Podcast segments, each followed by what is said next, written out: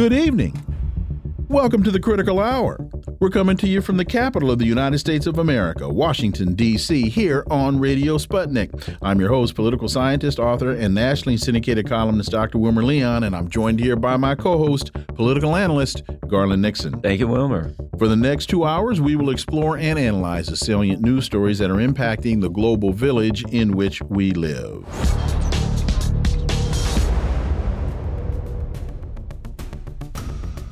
Jonathan Turley has a piece entitled Why the White House Has No Alternative to an Impeachment Inquiry into President Biden. When Congress returns next month, it has little alternative but to launch a long discussed impeachment inquiry into President Joe Biden. For House Speaker Kevin McCarthy, the case for an inquiry came from a most unlikely source, Attorney General Merrick Garland. For insight into this, let's turn to our first guest. He's an investigative journalist and author of three books The Frozen Republic, The Velvet Coup, and America's Undeclared War, Daniel Lazare. Dan, as always, welcome back. Thanks for having me.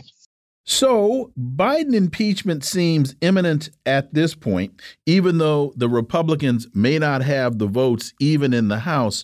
Is this a direction that the Republicans have to go in order to force the media to talk about the many corruption accusations against the Bidens? Because otherwise, the media seems to be doing the best that it possibly can to ignore this.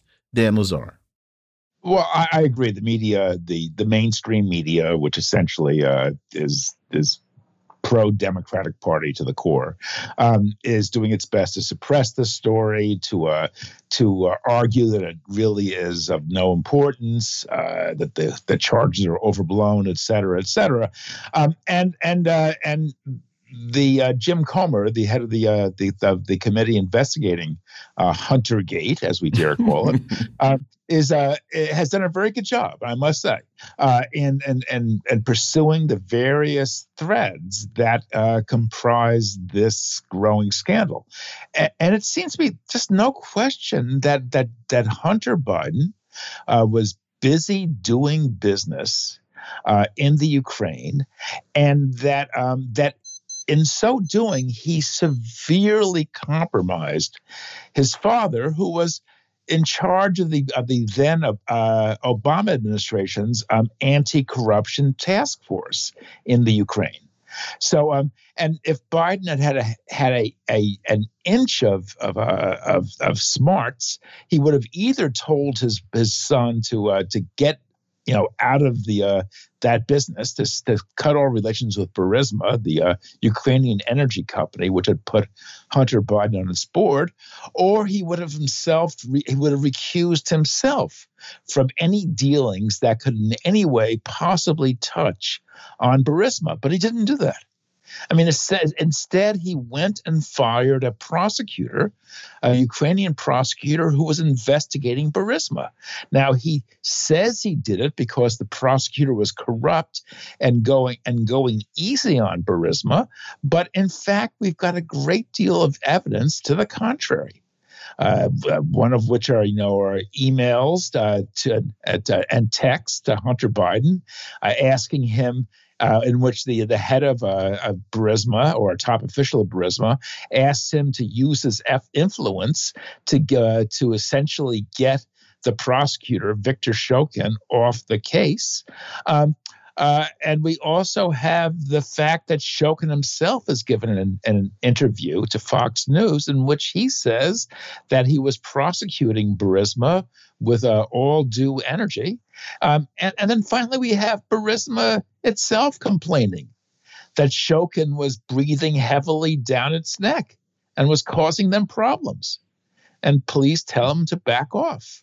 So it looks like the Biden story is just not holding up. And this is a very important uh, uh, revelation. You know, there's a and there's a parallel story here that is maybe even bigger. Um, I don't. Did you read the the um, the FBI 1023 their investigative form, form Dan? Yes, I did actually. It is incredible mm -hmm. to find out that in that even prior to the election, now the FBI had the Hunter Biden laptop since December of 2019. Someone comes to them from Burisma and sings like a prison canary, tells them everything.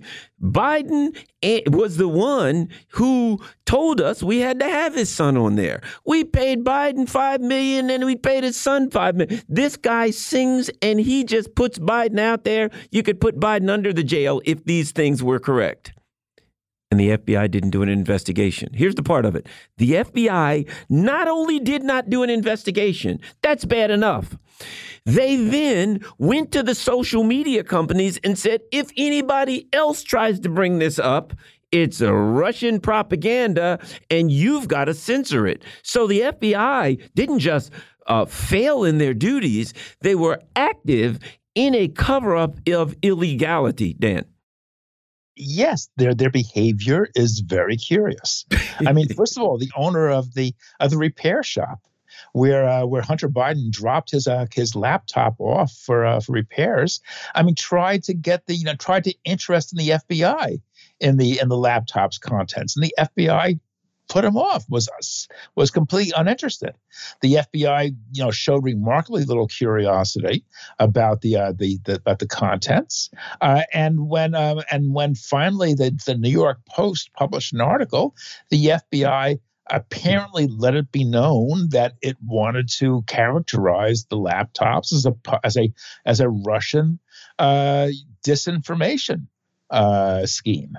And so, and so that's what the press dutifully did. And this was during the last two or three weeks of the 2020 election when voters deserved to have this information in hand. But the information was censored, you know, completely censored by social media, by uh, by you know by by top uh, you know, present and former um, in, uh, intelligence officials. It, it, was one of the most bizarre episodes in American politics. But what's really important is it's now coming back to haunt the Democrats. And to that point, how much uh, of this, if any of it, has to do with arrogance? And what I mean by that is they didn't expect Donald Trump to beat Hillary Clinton. They truly believed that Hillary Clinton was going to was going to come after Barack Obama. If that had happened, now you've got consistency in in ideology, you've got consistency in people in place. They can still then play in Ukraine the way they were playing in Ukraine and use it for the piggyback piggy bank that they were using it for. They also didn't expect President Putin to intervene in Ukraine. That also causes great disruption in Ukraine. And so a lot of the a lot of the things that they were a lot of the machinations and a lot of the things that they were involved in now all of a sudden there's a big change in the game because they made a move and they didn't expect uh, Vladimir Putin to respond in the manner in which he did. So how much of those miscalculations do you think factors into this if any? Oh, I think they all factor in. I mean, essentially, essentially, the uh, the U.S. backed the uh, the coup d'état in Kiev in February 2014. Mm-hmm. Uh, as Victoria Nuland uh, bragged, uh, the U.S. had spent $5 billion, injected $5 billion into the Ukraine in order to essentially steer it in a pro EU direction and to encourage uh, nationalist elements who were trying to detach the country from any any kind of relationship at all with Russia. Now, that succeeded, but it succeeded at the cost of blowing the entire country up. Because, on one hand, a neo Nazi led coup d'etat was triumphant in Kiev, but on the other hand, um, you know, equal and opposite revolts broke out in the eastern part of the country and in the south. And the country was quickly torn by civil war. So, essentially, like, you know, uh, the U.S. wound up, you know, you know, killing the patient in the process of saving it. Uh, and and since then, the U.S. has behaved in the most bellicose manner possible. Um, and is essentially, you know, succeeded in provoking the Russian invasion in uh, in in uh, in February 2022. Now, please let me stress I'm not defending the Russian invasion. I don't support the Russian invasion. I think it was a profound mistake and a violation of all democratic norms on, on Putin's part. But the idea that it was entirely unprovoked is ridiculous ridiculous because the U.S. bears great responsibility for creating this horrible situation. And now we're faced with the fact that the that the Ukraine is doing more and more poorly on the battlefield, which will open up a whole Pandora's box of you know of political troubles for for for the Ukraine, for NATO, and for Biden himself. Well, and I'll say this in the same way that overthrowing Libya destabilized a significant portion of Africa. Oh, that Ukraine problem is going to uh, destabilize Europe for many years. The National Archives and Records Administration acknowledged possessing up, possessing up to 5,400 emails connected to then Vice President Joe Biden's pseudonym accounts that he used to forward government information and discuss business with his son Hunter. Wait a minute. So the guy used fake names. He might as well have put on a fake beard and glasses. He did. Yeah, you're probably right. But so, I mean, this thing just gets uglier and uglier. He's using fake emails and fake names to talk to to his son about Ukraine and discuss business with his son. But he pre previously told us he knew nothing about any business with his son, Dan. Well, it, it's a it's a treasure trove and uh, and and and the Comer Committee is suing to obtain the unredacted versions of those emails. And when it does, uh, I think it's reasonable to suspect that those those emails will contain a wealth of information, which will fuel the uh, the Hunter Gate crisis all the more. I don't think Biden, Wilmer, and I've been saying it for a while. I, I can't see how Biden's going to be the the the, uh, represent the Democratic Party in, in, in 2024, Dan. Uh, that's that, that's possible. That's the combination of, of this scandal, the uh, the the the military reversals in the Ukraine, uh, a bad economy, and uh, and his own declining health could very easily knock him out of the race. And you know that you know whether it's Gretchen Whitmer or uh, Gavin Newsom, uh, it's very possible Democrats may may opt for some more effective candidate. We have just about a minute and a half left. Is this Hunter Biden issue, as far as the Republicans are concerned, do they see this as being of more value as a as a headline, as opposed to actually getting to the bottom of the problem? I equate that, for example, with the uh, women's right to choose issue for the Democrats. They saw that more beneficial to them as a political issue than solving a problem for their constituents. Do you, is do you see are there do you think that there are Republicans that may have the same view of this Hunter Biden that is more damaging to Joe, Joe Biden as a headline than they are truly interested in getting at the bottom of some crime? We got a, one minute left. Yeah, yeah, yeah. I think I think you're correct. I mean, I think I think first of all, number one, the Republicans do this, engage in this kind of money making behind the scenes every bit as much as Democrats. Mm -hmm. It's mm-hmm. clear not exclusively a Democratic Party party problem. I mean, all sides do it. It's absolutely disgraceful.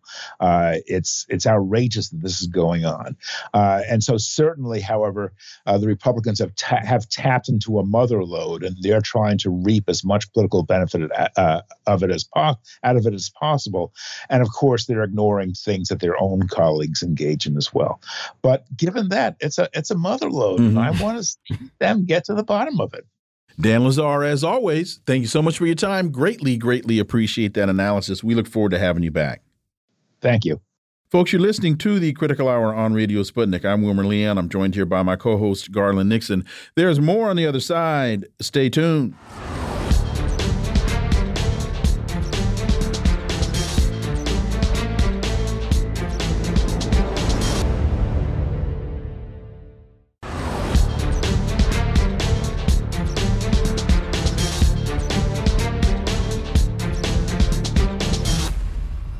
We are back, and you're listening to the Critical Hour on Radio Sputnik. I'm Wilmer Leon, joined here by my co host, Garland Nixon. Thank you, Wilmer. Caitlin Johnstone has a great piece at her site. The last time a foreign military threat was placed near the U.S. border, the world almost ended. To demand that Russia and China tolerate foreign activities on their borders that the U.S. would never even think about tolerating on its own borders is just demanding that the entire world lie down and submit to being ruled by Washington. For insight into this, let's turn to our next guest. He leads the Speaking Truth to Power section of Tell the Word, a publishing arm of the Ecumenical Church of the Savior in inner city Washington. He served as a CIA analyst for 27 years. His duties included chairing national intelligence estimates and preparing the president's daily brief. And in January of 2003, he co created Veteran Intelligence Professionals for Sanity. Ray McGovern, as always, Ray, welcome back. Thanks. Good to be back. So, uh, Caitlin writes, and again, folks, this is a bit of a long read, but it's relevant. It is ridiculously hypocritical for Westerners to condemn Russia and China for responding aggressively to the U.S. empire building up military threats on their borders because the last time a credible military threat was placed near the border of the U.S., the U.S. responded so aggressively that it almost ended the world. I point out this hypocrisy not because hypocrisy in and of itself is an especially terrible sin. There are much worse things you can do in life than be a hypocrite, but to flag the fact that people who think Russia and China should tolerate U.S. actions on their borders that the U.S. would never tolerate on its own borders actually believe the U.S. should rule the world. Ray, I think you believe it's worth spending some time learning about the Cuban Missile Crisis for a number of reasons in the 2020s. You believe the Cuban Missile analogy is so telling and something that most folks can relate to. Ray McGovern. Uh, thanks, Wilmer. Uh, I think most people can relate to even if they're too young to remember it. Now, suffice it to say, I remember it quite well uh, I had just reported on active duty as a infantry intelligence army officer at Fort Benning, Georgia. Suffice it to say, there were no weapon, weapons at the Fort Benning Army Infantry Training Center. They were all in Key West, ready to go into Cuba. Uh, and of course, uh, John Kennedy was threatening nuclear war if Khrushchev didn't re- remove those missiles from Cuba, already in place there with nuclear warheads on them, and bring them back to Russia. Uh, and he sort of threatened to bur- to blow up most of the world if if uh, that didn't happen. So, what's my point here? Uh, my point here is that this has already happened. In other words, one does not have to do a, a hypothetical here. Uh, you hear often people say, "Well, suppose suppose the suppose Russia uh, overthrew the government in Mexico City and then started putting uh, missile installations right on the border with Texas." Uh, you know, now you know whatever you think of Texas. I mean, these missiles can fly fly further than Texas. Okay, farther. So, well, what do you think the, the, the United States would do? Well, we know what they do because they did precisely that in 1962. Uh, uh, Kennedy told Khrushchev, take those missiles out or else. And you know, it's interesting. Most people don't remember. Kennedy did very illegal things, okay? He put in a blockade. Well, he called it a quarantine, but that makes it no less illegal. and then he assembled this invasion force in Key West, which I was almost in, had I reported to Fort Benning just a month or two earlier. And then he threatened nuclear war. You're not supposed to do that under the UN Charter. So um, th- the bottom line here is that when a major country feels an existential threat from another country, even though both of them have nuclear weapons, the the threatened country is going to roll the dice and say, "Look, give up this plan, or else." We came very close, as Caitlin Johnstone puts puts it, uh, to nuclear war. So, what's the analogy here?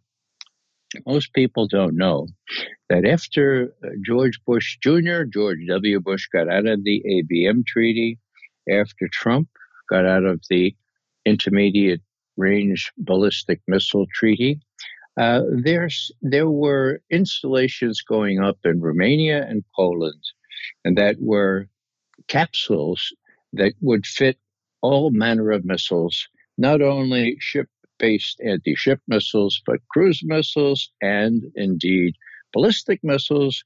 Uh, and when the U.S. gets them, hypersonic missiles. Now, it's not like just last last week the Russians complained about. They've been complaining about in 2015. Okay, what are these missile sites doing there? They're not ABM sites. They can't be ABM sites because they're in the wrong place. What are they? What's going to go in there now?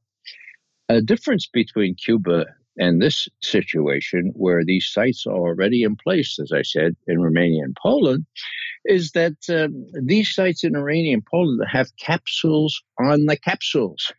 In other words, these capsules that fit all manner of kind of missiles. Okay, any any kind of missile, an offensive strike missile can readily put, be put in there, not just cruise missiles too.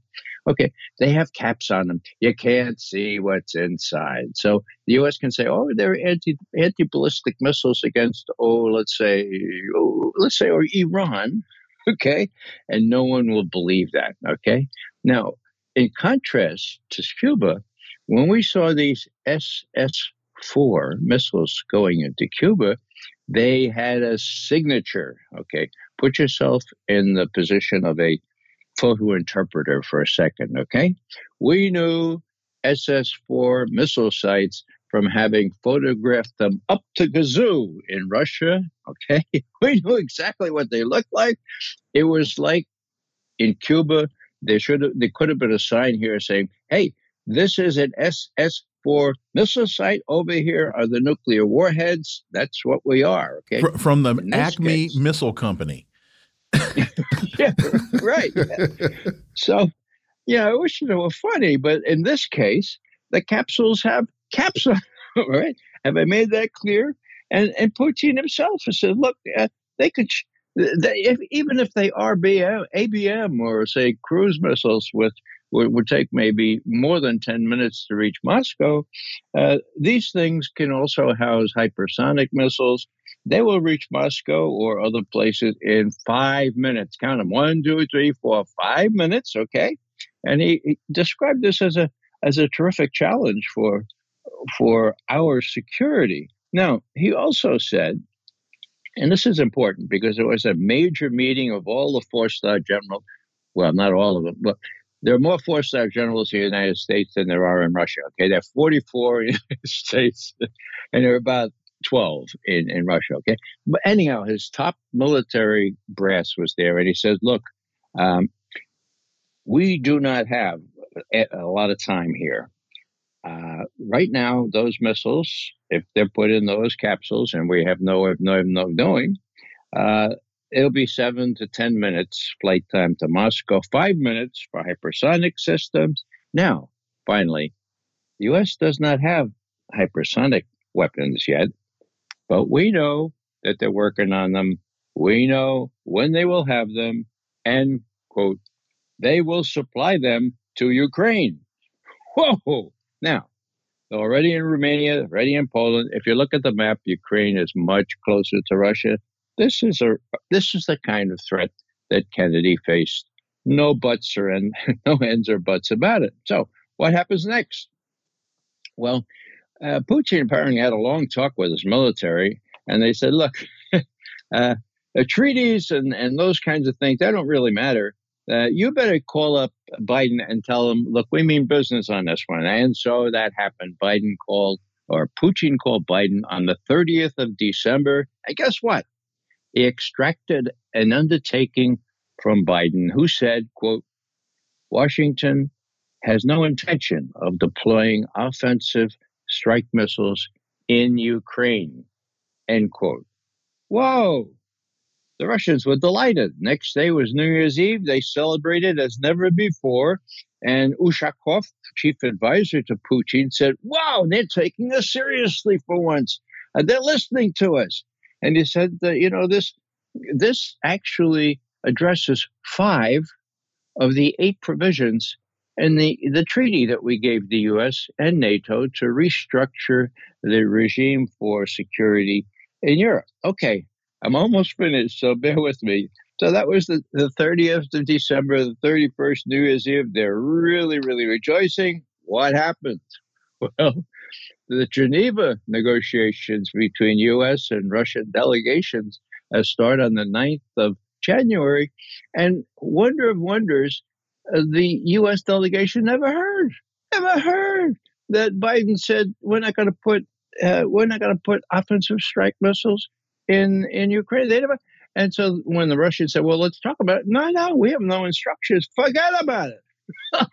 so, next thing, February twelfth, two thousand twenty-two, uh, Biden and Putin talk again, and the readout says that uh, Biden did not really address Russia's initiatives, either with respect to the expansion of NATO nor, quote, non deployment of strike weapon systems on Ukrainian territory.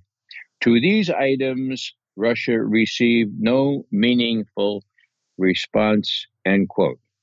Uh, just to finish up here. So that's the 12th of February, right? 12 days before the invasion. Now, um, I'm not saying that the emplacement of offensive strike missiles on the periphery of Russia, just as they had earlier been put on the periphery of the United States, that is in Cuba back at 62. I'm not saying that was the only reason that Putin invaded Ukraine. I'm saying it was an important factor.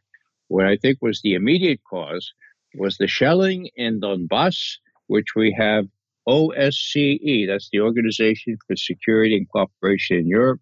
We have the figures shelling from Ukrainian forces into the Russian speaking areas of uh, Donetsk and Lugansk and the Donbass. Okay, 100 shellings in the 14th of February, 300 on the 16th, 1400 on the 18th, 1500 on the 21st. Now, that's a geometric progression, right? It usually sort of to- betokens uh, an offensive into those areas. And indeed, we know that Ukrainian troops were all set to, to go into the Donbass. Just finishing up here, okay? This same day, the 21st of February, Putin gets up, really, really angry, atypically angry speech, says, Look, Kiev is trying to orchestrate a blitzkrieg into Donbass. Uh, it's necessary to make this decision to recognize those republics the defense treaties are signed, and two days later, they're invoked. And one day after that, Putin invokes Article 51 of the UN Charter, sends his troops into Ukraine. That's how it went down, folks. Not many people know much of this, and hardly anybody knows of the broken promise by, by Biden not to put offensive strike missiles in Ukraine. Ray McGovern, as always, thank you so much for your time. Greatly, greatly appreciate that lesson. And we look forward to having you back. Thank you very much.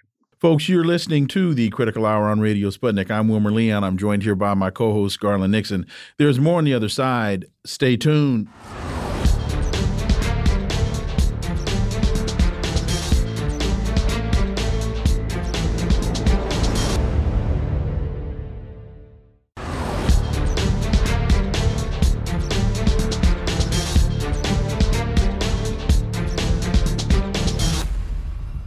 We are back, and you're listening to the Critical Hour on Radio Sputnik. I'm Wilmer Leon, joined here by my co host, Garland Nixon. Thank you, Wilmer.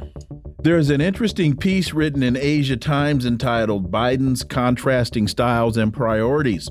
The Biden administration has concentrated virtually all of its efforts on keeping China from rising to no avail. It was written in June, but it is still incredibly relevant, especially since U.S. Commerce Secretary Gina Raimondo has wrapped up her Beijing leg of uh, her China trip with high level meetings.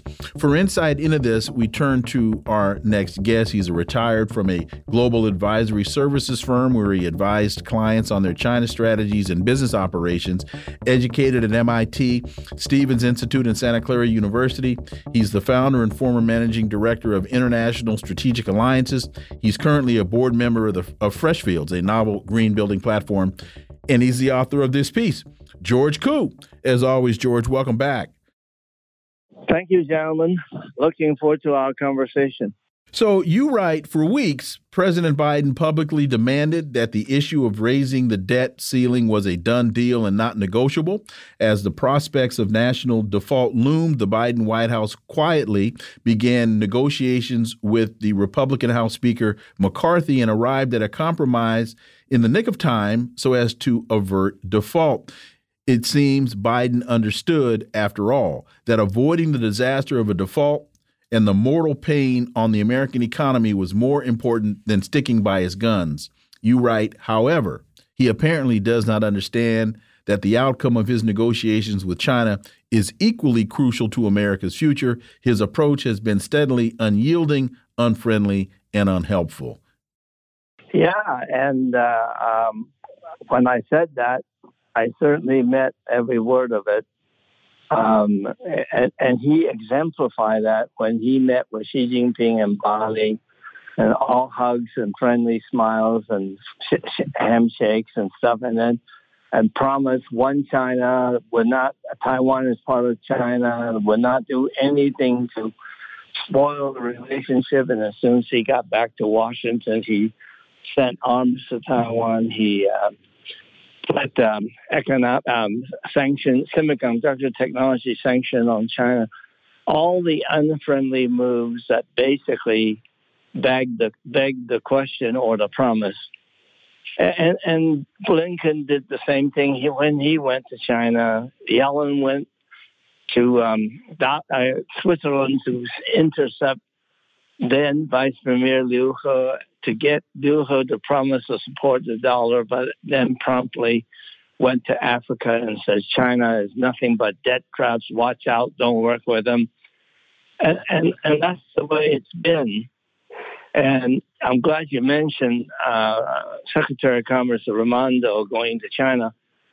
That one is slightly different in that the Minister of Commerce from China actually did invite her, whereas all the other ones were all the all the other meetings were pretty much prompted by the U.S. side, practically begged to have those meetings so that they can say that we we have the meetings. Well, Raimondo did get invited, um, and whether this is a a partial melt of an iceberg or or it's not going to come to anything remains to be seen. Certainly, um, when he she got there, she basically said, "We we look to collaborate and work with China on everything except that that threatens our national security." Well, you know, what threatens national security for, for crying out loud? Well, it turns out that we have spent hundreds of millions of dollars through the Western mainstream media to create and demonize China and create a monster that is now our enemy and adversary so that we can justify the hundreds of billions of dollars of increase in defense spending because our national security is being threatened by the monster that we created you know, it's it, it's um, it's such a um, um, uh, obvious ploy, and yet the Biden administration has been able to pull pull the wool over the American public's eyes, and that is really the point. And you know, when Gina Raimondo comes back home, we'll have to see if he reach, she retracts any progress whatsoever that was made in Beijing, if indeed there's any progress. I was listening to her speech yesterday, and I, I, I just started laughing when she talked about all the progress that she made and how things can go if China abides by the rules. And she said that three or four times if China abides by the rules. And I kept thinking, well, Regina, what are you talking about? What rules, or Gina? What rules are you talking about? And she never. She go go ahead, George. Yeah. Now, I was just going to ask you because I didn't hear the speech. Did she say rules or did she amplify and say rules of international order? No, she just said rules. In fact, I was oh. waiting for her to even mention the rules based order. She just kept yeah. saying China has to abide by the rules. Yeah. And again, you know, it's such a convenient um, door, back door, because anytime China does something we don't like, they didn't follow the rules, and, and the rules as defined by the United States. Um, yeah, it, if if U.S.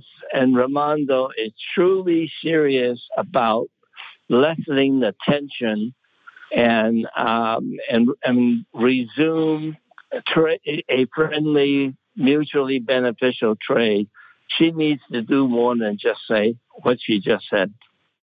In looking at this, when you see what's going on with the U.S., it's really about the U.S. not being able to accept that they're not the world's hegemon because they're always talking about people have to um, obey the rules, but yet the rules allow the United States to overthrow the government of Pakistan and install a new leader um, when Imran Khan was the elected leader. It allows the U.S. to now, you know, to threaten. Literally, we've got now uh, members of the U.S. government threatening to bomb and attack Mexico ostensibly to deal with drug cartels. So the rules allow the U.S. to simply be in control, make the rules, and tell every everyone to do what they want to do. And I think the issue is the U.S. is at war with reality, with modernity. The world has changed. They're not the hegemon anymore, and they're like a tractor trailer that I mean, like the uh, the dog that barks at the tractor trailer as it goes by. The world is just going by. The world's not stopping for these rules based orders anymore. George. Yeah, it's almost as as sad as if Ford and General Motors still insist on um, gasoline-driven engine and do not recognize the trend to electric vehicles. Now, fortunately, they do get it, so they they are making the move, even if slowly. But uh, uh, but the U.S. is, is yeah, as you say, not facing reality and insists on what was what worked in the past and insist on it will continue to work for the U.S. and it's not going to happen. I think I think um, the one piece that you sent me by the libertarian, some the last paragraph really summarizes it in an excellent way. It says U.S. has spent hundreds of billions of dollars to be the aggressor to threaten and suppress China and and no effort, no expense at diplomacy, and and that really is what we're at at this point.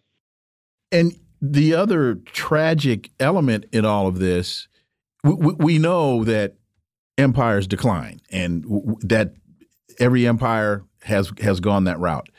But the United States has exacerbated the situation and exponentially moved up the timeline by its own action. The United States deindustrialized its own manufacturing base in order to secure more profit by getting cheaper labor overseas. The United States brought this on itself. When China asked the United States to work with it on developing 5G technology, the United States told China no. Right. George. They would rather cut off their own nose to spite their face. And uh, and you you you know you as you say, they just don't recognize it. The, I will say one of the things that Biden is friend shoring, trying to bring manufacturing back to the United States. There is one singular success, and and you probably can guess what that is. It turns out that the Glocks and the Berettas and all the other handgun manufacturers in Europe are moving their manufacturing to the United States. At least part of their manufacturing. You know why it is? Not only because the U.S. is such a big market, but because when you export guns from the U.S., it's easier than exporting guns from Europe. The paperwork, the bureaucracy, the expense are much less. And this is where a, a great deal of those guns are going. They're going to Guatemala and create such a great instability in Guatemala. It creates the panic of refugees that migrates up north trying to get into the U.S. So we are what we are doing is creating a problem for ourselves. This is one example, but it's pretty much the unintended consequences of everything the U.S. is trying to do. Well, I mean, it makes sense because what else does the U.S. manufacture? Weapons. So the. U.S. manufactures military weapons, so it would only stand to reason that the U.S. would manufacture weapons that could be used against the civilian population. That's all we do now is create mayhem and chaos, and that's all of our that's all of our our, our government does. And might I add, with the censorship, recently we saw an article when the U, where they were going after Code Pink and some of these anti-war organizations. The U.S.'s sanction regime and attacks on other countries seem to be turning inward at some of the anti-war organizations, George. The suppression of democracy uh, is is really a joke, and it's setting setting the U.S. You know, people are just ignoring the U.S. because of what U.S. has done uh, to itself. Biden is going to host APEC, Asia Pacific Economic Cooperation, in November.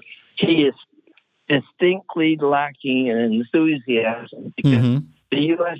don't care about what APEC stands for, which is open free trade among all the nations in the Asia Pacific Rim. When Clinton was president, it was the greatest thing. She, he was so enthusiastic about it. So, what's the difference between Clinton and Biden? The difference is globalization was good for the United States in Clinton era globalization is mm. perceived by the U.S. It's negative. It's against our national interest. We rather build high fences and keep everything out so that our economy could tank based on our own high cost of manufacturing and inefficiency. And that's where it's going. George Koo, as always, thank you so much for your time. Greatly, greatly appreciate that analysis, and we look forward to having you back. Thank you, guys. Folks, you're listening to the Critical Hour on Radio Sputnik. I'm Wilmer Leon. I'm joined here by my co host, Garland Nixon. There's more on the other side. Stay tuned.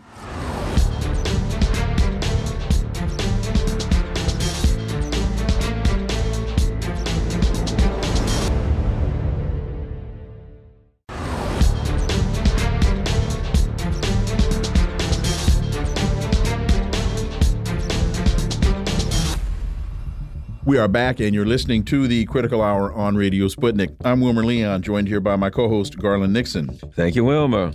Sputnik International reports Kremlin considers first flight of Russia's homegrown airliner, the SJ 100, a great success.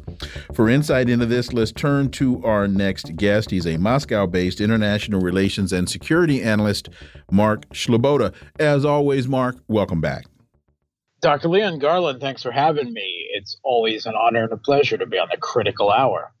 Well, uh, Russian President Putin considers the first flight of Russian airliner uh, Sukhoi Superjet 100, assembled using only domestic components, a great success, as it is advancing the country's ambition to achieve independence from imports. This is according to Dmitry Peskov. Uh, President Putin is following the progress of import substitution in the aviation and other areas. And this stood out to me, Mark. President Biden told us as a result of the unprecedented sanctions, the ruble is turning to rubble. What this airline success says to me is Russia is expanding its footprint in other areas of manufacturing. It's threatening Boeing. It's threatening other uh, other major airline manufacturers.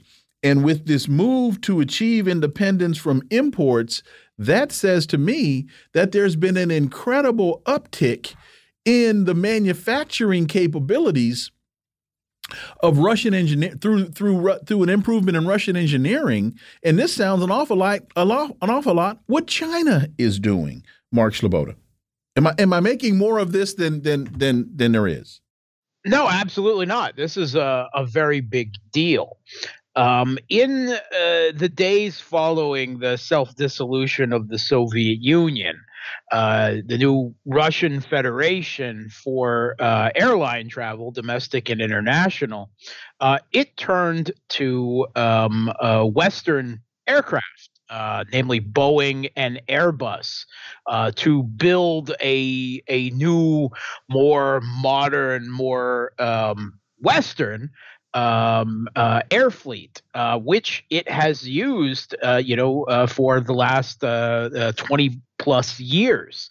Um, of course, with the um, very strict existential economic war of sanctions unleashed on Russia in 2022, although there had been a, a considerable number of sanctions before that, um, it suddenly became theoretically, uh, on paper, impossible for Russia to import the parts it would need to sustain its air fleet. And many people were expecting the complete collapse of the Russian airline industry. I mean, there were there were very dire predictions from Russian economists, and and uh, I I myself uh, I remember at the time fearing uh, that this would become a very serious issue.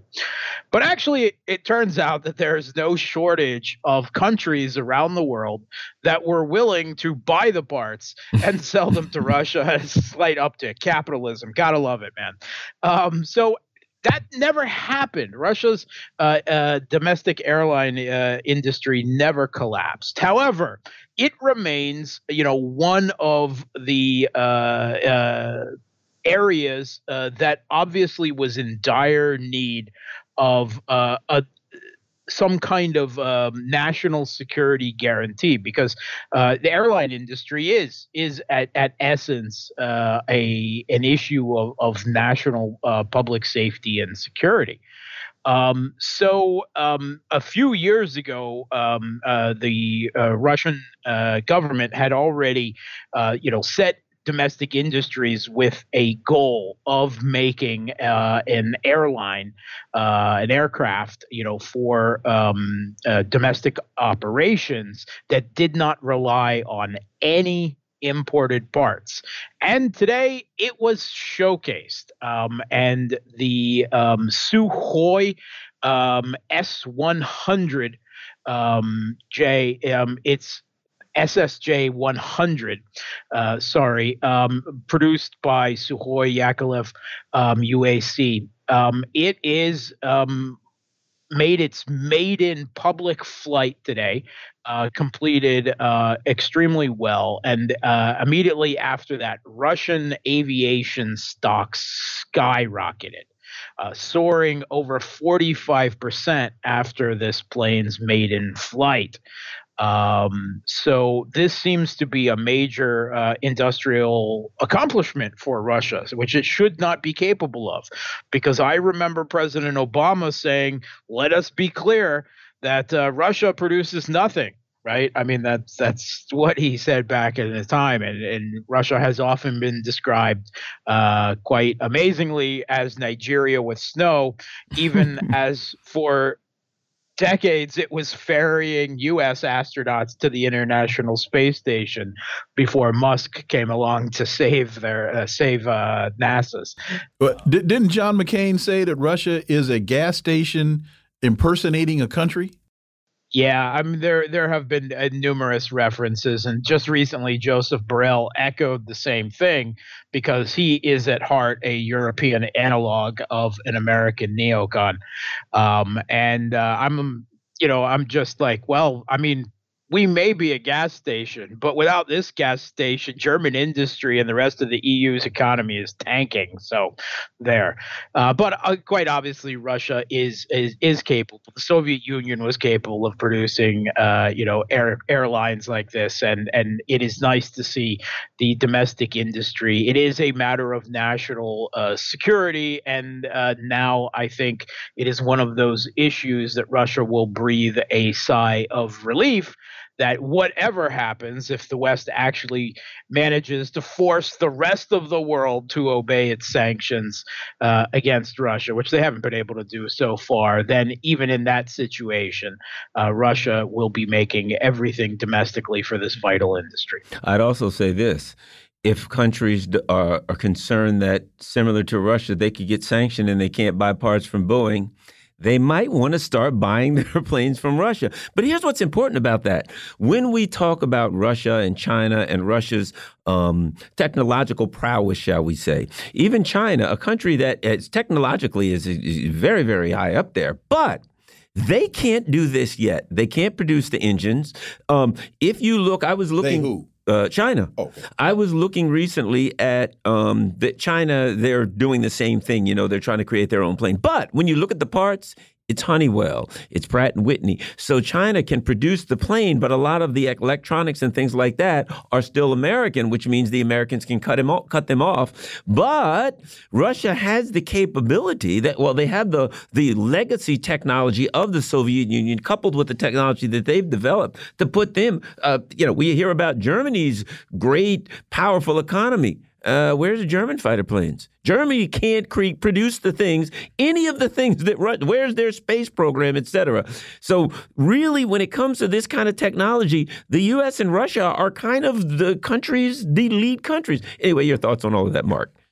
Yeah, um, it, autarky, or at least an, an autarky, uh, you know, uh, uh, self economic reliance outside of the West is a necessity with the the revelation that the U.S., you know, despite being the the global uh, reserve uh, uh, currency with the dollar, will weaponize its control of the dollar of the global financial and economic system for its geopolitical goals. And suddenly, people are realizing the necessity necessity of trading outside of the West. Um, and I think uh, China is certainly working uh, uh, along with Russia, sometimes hand in hand towards these goals.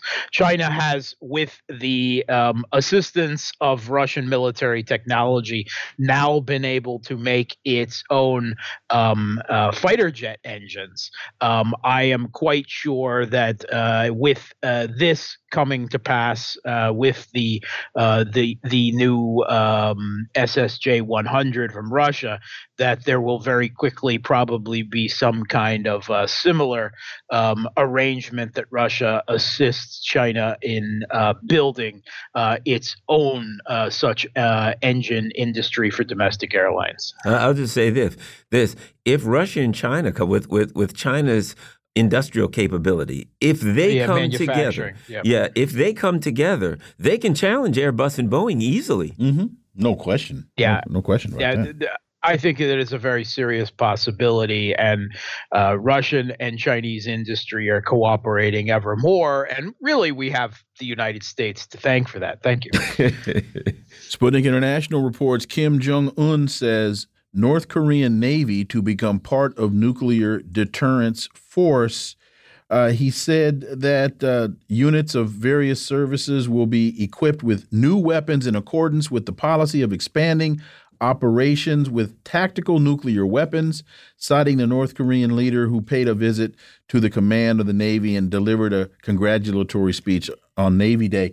You know, for a very long time, Kim Jong Un was portrayed as a as just a maniac and and inexperienced and ignorant and all of these kinds of things.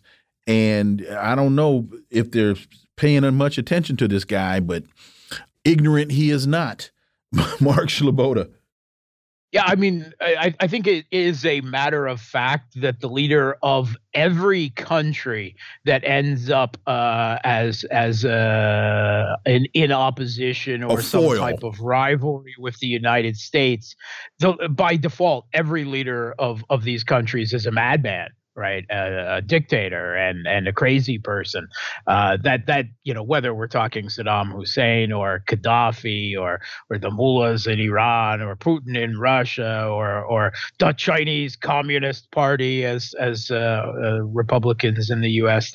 think to intone, uh, or of course uh, you know uh, North Korean leaders, including now Kim Jong Un, are all all insane, all madmen. Um, so that that is just part of the, you you know the usual U.S. Uh, demonization. And meanwhile, North Korea long realized that with the lessons learned from Iraq uh, and Libya uh, and uh, several similar countries, that the only guarantee of protection from U.S. Re- regime change uh, was a nuclear deterrent. And so North Korea steadfastly went about acquiring it. Um, and now that they have, they are seeking to build multiple uh, uh, ways of delivering their deterrent to target. Uh, the U.S., you know, and Russia both have their trifecta of, uh, you know, uh, la- uh, intercontinental launch ballistic missiles, of uh, bombers capable of delivering weapons to target, uh, and of submarines. And uh, it appears that North Korea is well on their way to bringing their naval forces uh, in uh, to the strategic industry being able to deliver it. I would uh, guess that both uh, submarines and surface ships uh, will have uh, capability uh, of of delivering this deterrent. Again, it is of course intended as a deterrent, but with the U.S. constantly parading nuclear capable weapons systems on the borders of North Korea and military drills with South Korea, North Korea feels the need to continue with the development of their deterrent uh, strategic systems. Well, and here's the thing. The very recently, just a few months ago, the U.S. brought a month or maybe two months ago, we reported here that the U.S. sent a nuclear um, submarine to South Korea. So it seems to me, though the U.S. always tries to say, you know, this is some kind of a provocation, this seems to be a response to a provocation by the U.S. Mark. Yeah, I, I, think that is pretty much always the case. Um, you will always hear um, the, this loud outcry of outrage and and uh, frustration uh, whenever North Korea launches a, a miss or tests a missile or or a similar system. Almost invariably, if you look back you will see that before North Korea tested that weapon, the U.S. Uh, performed uh, military drills on the North Korean border with their, you know, South Korean uh, client state, um, and that is what North Korea has always said that they considering how many North Koreans the U.S. killed in the Korean War and the devastation to North Korea, they take the threat of the U.S. very seriously. And there has never been a peace agreement. There is only an mm-hmm. armistice. Mm-hmm. And the U.S. refuses to recognize North Korea's right to exist, that it is a state. So um, they respond very harshly. And every time uh, the U.S. you know uh, conducts such war games, uh, North mm-hmm. Korea responds. And this is a very similar situation. And we're going to run a minute long here because I, I, want you to it, to weigh in on this. With the United States escalating tensions in Taiwan and trying to improve the militarization of Japan, I can also then see Kim Jong un's response here being a response to those provocations as well. One minute, Mark. Yeah, yeah. North Korea is tied intimately in with all of this, and one of the things is that the U.S. has turned to South Korea their South Korean manufacturing to provide more artillery shells, which all of NATO has run out of. Recently, the Russian Defense Minister Sergei Shoigu went to North Korea, and it seems that there's going to be a quid pro quo here. If the U.S. feels free to draw South Korea into the Ukrainian conflict, well, then Russia will uh, feel free to call on North Korea as well. And uh, it may only be supply at this point, but it is starting to look very much like a world war in that respect. Mark Sleboda, as always, thank you so much for your time. Greatly, greatly appreciate that analysis, and we look forward to having you back. Thanks for having me. Folks, you're listening to the Critical Hour on Radio Sputnik. I'm Wilmer Leon. I'm joined here by my co host, Garland Nixon. There's another hour on the other side. Stay tuned.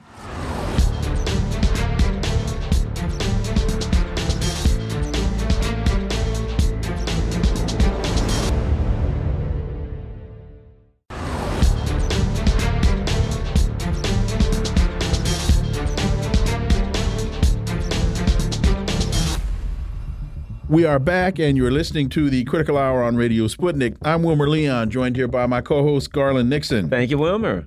The U.S. knew Saudis were slaughtering African migrants at the border, but kept quiet. The Biden administration was told last fall about the mass killings of migrants at Saudi Arabia's border with Yemen. For insight into this, let's turn to our next guest. He's an award winning broadcaster, political analyst, and journalist based in Beirut, Lebanon, Laith Marouf. As always, Laith, welcome back. Great to be with you guys. So, I think this was a New York Times piece. The Biden administration has been aware since last year that Saudi border guards were slaughtering African migrants on the Saudi on Saudi Arabia's border with Yemen, but kept quiet about the killings. The New York Times reported this over the weekend. The U.S. loves to use uh, the, the, U.S. loves to use human rights as a crudgel against countries that it does not like.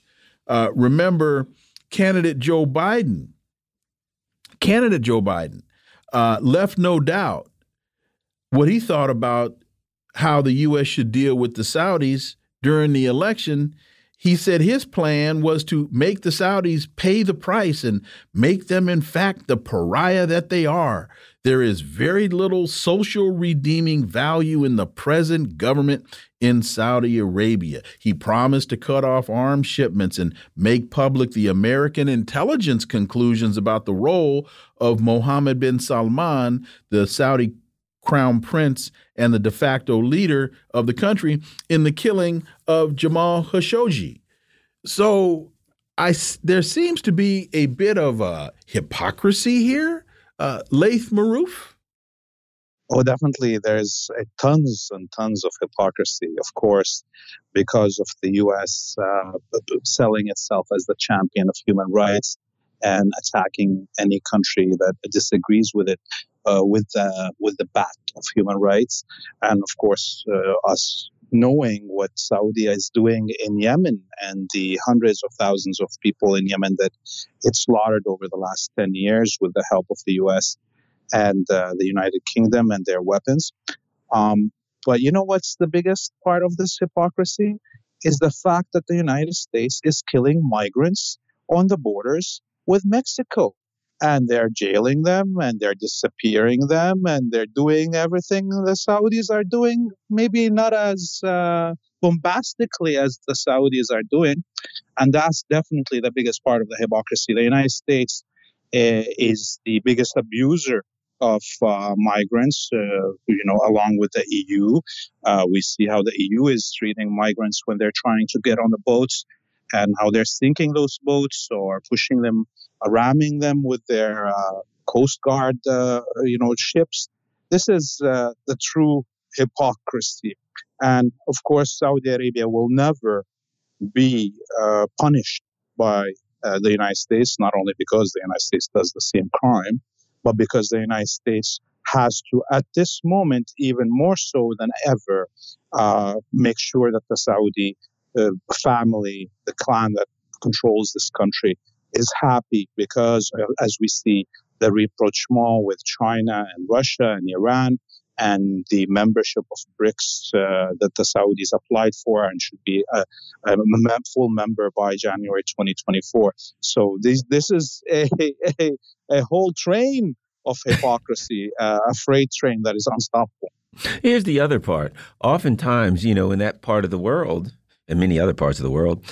It's the U.S. empire and its vassals that create the dynamics that have migrants wandering all over the place as the U.S. just bombed Somalia the other day, as the U.S. and France are talking about attacking Niger um, and creating, God knows, probably millions of migrants wandering, you know, all of, over the place trying to survive. It is again, and Libya and Libya. It is hypocritical to destabilize the entire region, create a dynamic where there are migrants everywhere, and then say, "Hey, look what they're doing to those migrants that we created." Before you respond, let me just, to Garland's point, say, and a major element in that is we're talking about people of darker hue who the elite don't see as human, so they don't care. They're just, once they get into the Mediterranean in those boats, as far as the elite are concerned, that's just shark bait. Laith. Oh yeah, oh yeah, and of course uh, we see how the grades of for color also make a difference. Uh, you know, um, it, it, seems in a way maybe the only reason this is now becoming a story a year later uh, is because uh, you know the the American elite want to somehow pressure the Saudis on something. And uh, look, uh, the migrant problem that uh, Ethiopia is living right now is because of the uh, the war of in Tigray that the Americans uh, pushed. Uh, it is, of course, we see, you know, Ethiopia has a historic, actually, connection to the people of Arabia. Uh, from long time ago, from even before Islam, the intermarriages between Ethiopians and Yemenis and people of the Hijaz, the area that Mecca and Medina is, is is thousands of years of intermarriage, and the first Muslims uh, in history before uh, the declaration Muhammad declared a state that had hid in Ethiopia under the protection of the Abyssinian Christian king. Uh, this is now to see the Saudis treating the Ethiopian people in this way. This is not only a problem uh, because of, of course, human rights and, and, and migrant rights and what have you, but this is actually a, a, a, a creating a schism in a historical friendship between the Ethiopian people and the Arabian people, and the Saudis are to blame for it, and their masters, the Americans that are creating these problems, are also to blame for it. The Libertarian Institute has a piece. Tehran, Baghdad agree to disarm Kurdish militant groups. Iran announced it reached an agreement with Iraq to disarm and relocate exiled Iranian Kurdish armed terrorist groups, so in quotes, operating in camps in the autonomous Kurdish region of northern Iraq. Baghdad must accomplish the task before a mid September deadline unless Iranian forces uh, will intervene. Laith Marouf. Well, this is a, a very important uh, development because, you know, for a long time, the federal government, the central government in Baghdad in Iraq, was not in control of anything in the north of Iraq. You know, not only since the uh, arrival of ISIS and that battle that happened there, but also since 2003, where the Kurdistan uh, regions, uh, you know, became almost fully independent in terms of control of their oil, the the, the finances of that oil that happens, and and the closeness between the Kurdish government and the Israeli government. And this has created a problem for all of the region, for Turkey, for Iran, for Syria, as we see. And today, Iran is uh, put its foot down and has asked uh, the government of Iraq to deal with at least, if it, the government of Iraq is not able to fully implement its sovereignty over this territory, then it uh, has to at least force its local uh, partners in northern Iraq to stop the uh, terrorists uh, attacking Iran and or Syria from using that territory to uh, to protect themselves.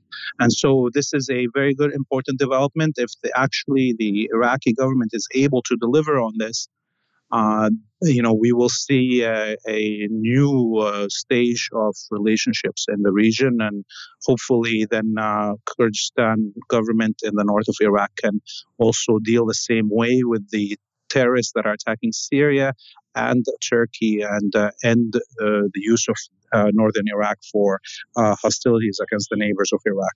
When I read this uh, sentence, Tehran has accused Kurdish groups of being involved with some of Tel Aviv's attacks, as well as recent civil unrest within Iranian borders. You know where I'm going with this, and that is, it seems to me that what Iran's saying, doing, and saying is, U.S. proxies on our border. We know the U.S. uses Kurdish groups that are being used to attack and destabilize our country, and we're going to act on it. Do you think I'm I'm on the mark with that one?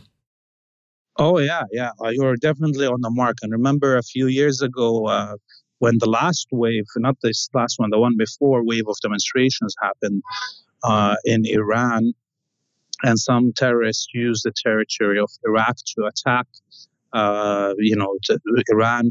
Then the Iranian military moved in on all of the border of Iraq and closed uh, off uh, Kurdistan uh, from uh, from the rest of the world, and uh, you know acted uh, you know as the sovereign on the borders there. And this is a, a, clear example of what Iran will do if the Iraqi government does not uh, implement uh, its sovereignty over this territory. It will come in and it will end the use of this land to destabilize it. And what does that mean for them, for for the Kurds? Because since the uh, Bush, I guess that's Bush 41 administration, it seems as though the Kurds, to a great degree, have been used as pawns. And because um, I, I want to say that it was Bush 41 who convinced the Kurds that they needed to stand up against Iraq and then got slaughtered. And and George Bush was like, Kurds? Uh, Never heard what of that? That's in cheese, isn't it? So, am I right to ask that question? Oh, yeah, definitely. Look, the Kurdish people have been cursed with uh, a leadership uh, for a hundred years, since actually uh, World War One, that has uh, provided uh, its people as pawns for the various uh, imperialist powers that want to um, you know, have a say in how the region of Western Asia is run. And if we remember, of course, that attempt uh, against the Ottoman Empire led to the slaughter of Kurdish people in Turkey and the expulsion of big wave of them into Syria. We saw how the Kurdish uh, leadership uh, colluding with Israel in the 1950s, um, you know, led to you know the fall of the socialist government of Iraq uh, and of course, eventually led to the rise of uh, Saddam Hussein, who slaughtered the Iraq, the Kurdish Iraqis. And uh, similarly, we see how the leadership of the Kurdish people in Syria has provided their own people as pawns to the American imperialist machinations in Syria, which is eventually no doubt in my mind will lead to more suffering for the Kurdish people because in the end uh, all these countries, Syria, Turkey, Iraq, and Iran, uh, are actual states, and uh, the Kurdish people are, are will not be able to withstand an attack of a full state if the United States and other European um, uh, you know uh, governments uh, abandon them as they do eventually when their use is, is ended.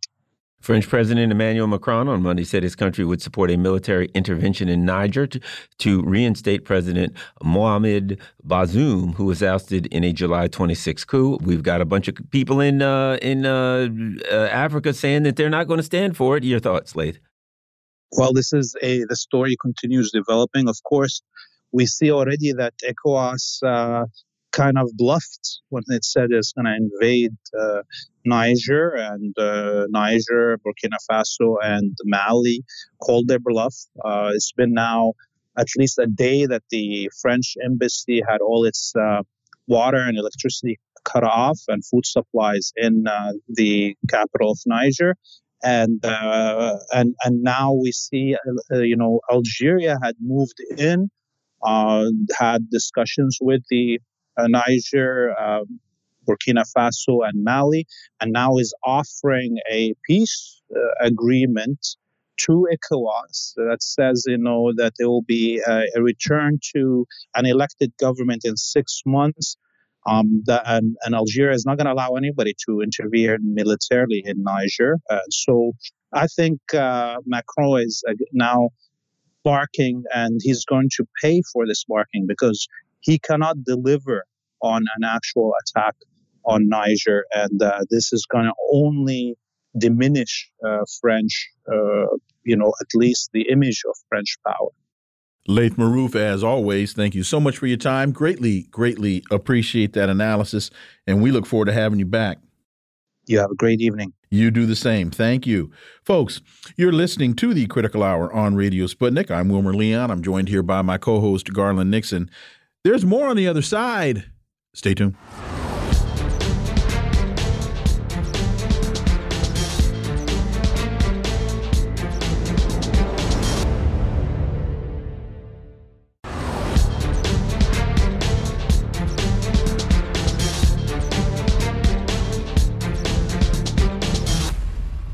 We are back, and you're listening to the Critical Hour on Radio Sputnik. I'm Wilmer Leon, joined here by my co host, Garland Nixon. Thank you, Wilmer.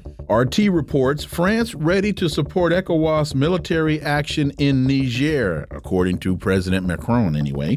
Paris will continue condemning the coup and supporting Bazoum, who remains Niamey's legitimate ruler Macron insists. For insight, let's turn to our next guest. She's an independent journalist and RT correspondent, Rachel Blevins. Rachel, welcome to the Critical Hour. Thank you for having me. So, Paris says that they're going to back any military action by the Economic Community of West African States, or ECOWAS, in Niger to restore the rule of ousted leader Mohamed Bazoum. Macron has said, and he's made uh, the comment in response to the expulsion of French ambassador Sylvain Itté from Niamey by the new military government that seized power in the coup. Uh, your thoughts on this, Rachel? And and one of the things, a couple of elements seem to be uh, adding pressure to this dynamic.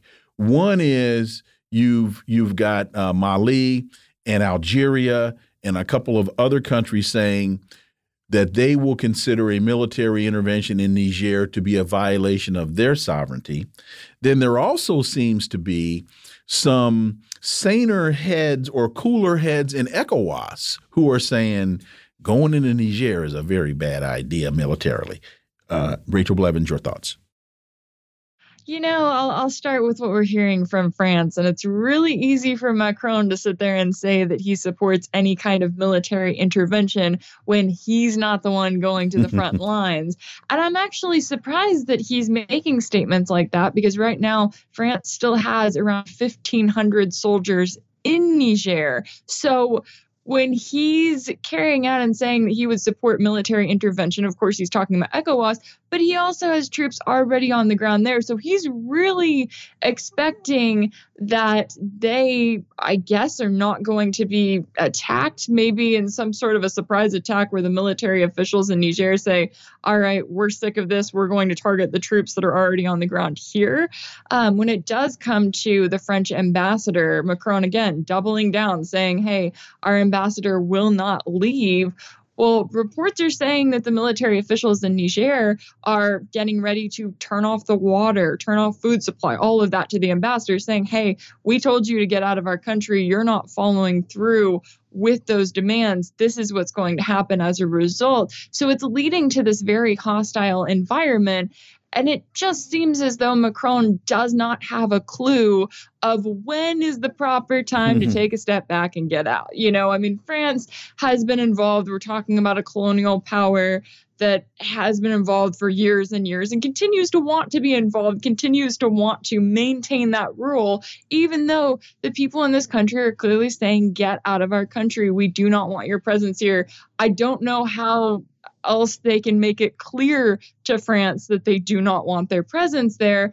But as you noted, when you've got neighboring countries that have also gone through over government overthrows recently in recent years that also have military governments that are saying that they will step in and help out. Yeah, those cooler heads within ECOWAS that are signaling that they don't think that this would be a good idea, they seem to be the people who are actually paying attention to the reality on the ground right now. Well, the other thing too is it's obvious to the world. You know, this particular um, incident, these this this these things going on in Niger have created a, a dynamic where people are now having the discussion about the effects of French neocolonialism in West Africa. People are starting to look at the numbers and say, "Wait a minute, why does France have all this gold and gold, no gold mines?" And and so, in a way, um, one of the things that it's done is is um, revealed the reality to the world of this um, unfair colonial theft of resources that's going on in West Africa. Rachel. Absolutely. And, you know, when you see this string of military overthrows, when you see these coups that we've seen specifically in West Africa since 2020, you it, it, makes you wonder does the public not wake up to that at some point that these people are not happy these people are sick and tired of being in a constant string where they get you know where they get foreign aid from the west and sure that may seem all nice and good at the time but they continue to be in a situation where they're dealing with poverty they are dealing with strife in different areas of their lives and they're having to put up with these Western powers in their countries. And of course, you look at the West, what do they say? They say that they're fighting terrorism. They say that this is justified because they're going after offshoots of Al Qaeda and the Islamic State. But then you talk to the people on the ground and you've got the people on the ground saying, no, it's the Western presence here that is making this situation worse. You see the recent rise in terrorism that has occurred across the Sahel region. And it's no wonder whatsoever that these people are standing up and fighting back. And yet, I think a big reason why the US and France, especially, are doubling down it isn't just about all of the money and the time that they have poured into these African countries. It's also now about Russia because they're looking at people in the streets waving Russian flags. They're looking at people in the streets saying that they want to, you know, work with Russia moving forward.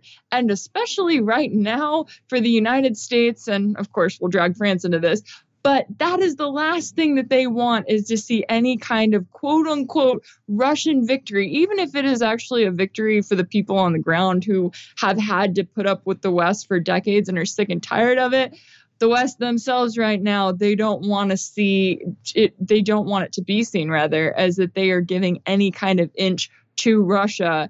And they feel like if they allow the military officials in Niger to continue, which they may not have a choice since it looks like they're going to stay in power, and they give in to the fact that Bazoum is no longer in power, then that is suddenly them giving in and looking weak when it comes to Russia, when really they arguably need to focus on their own countries and what's going on at home. Mark Twain once said, History never repeats itself, but it does often rhyme. And France as an American vassal state takes me and now we look at France in Niger and the I, I think a lot of Macron's bluster is basically echoing what he's being told from the United States. This sounds eerily reminiscent to another conflict in another former French colony called Vietnam. And Vietnam was a French colony in 1870s. It was French Indochina at that point. And there was a revolt in Indochina. France tried to quell the unrest, couldn't do it. The United States turned to France and says, We'll pay because we're afraid they, under the pretext of uh, communism, the rise of communism, uh, which, but I think it had more to do with rice markets, but that's another conversation.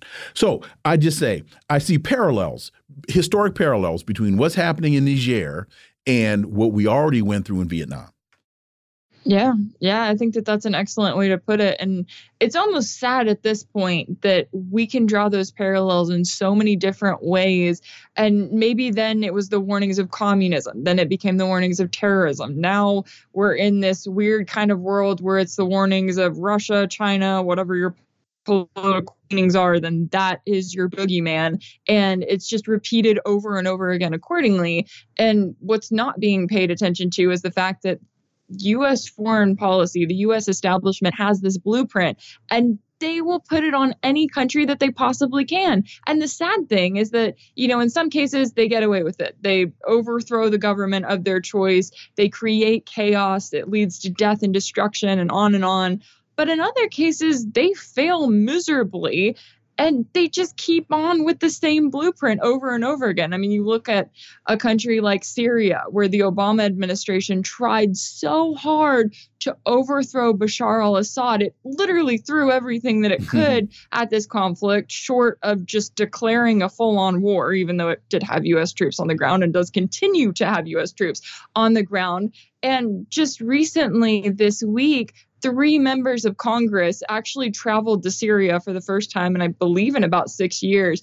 They traveled there to the opposition held territory. And the reason that they're going there is to make sure that the US does not forget that it needs to continue putting this pressure on Assad. And it's like, has the US establishment not learned that this didn't work the first time. It's not continuing to work this time and it's as if those neocons they just can't learn that lesson or or maybe they are so arrogant that they think that because this blueprint has worked in so many different other areas surely if they just put enough effort into it or spend enough time, it's going to work on whatever. Really, insert country here as it applies to the world moving forward. And ignoring the fact, Garland, that I think the last election in Syria, Assad won with like 86% of the vote, and the vote was considered to be free and fair.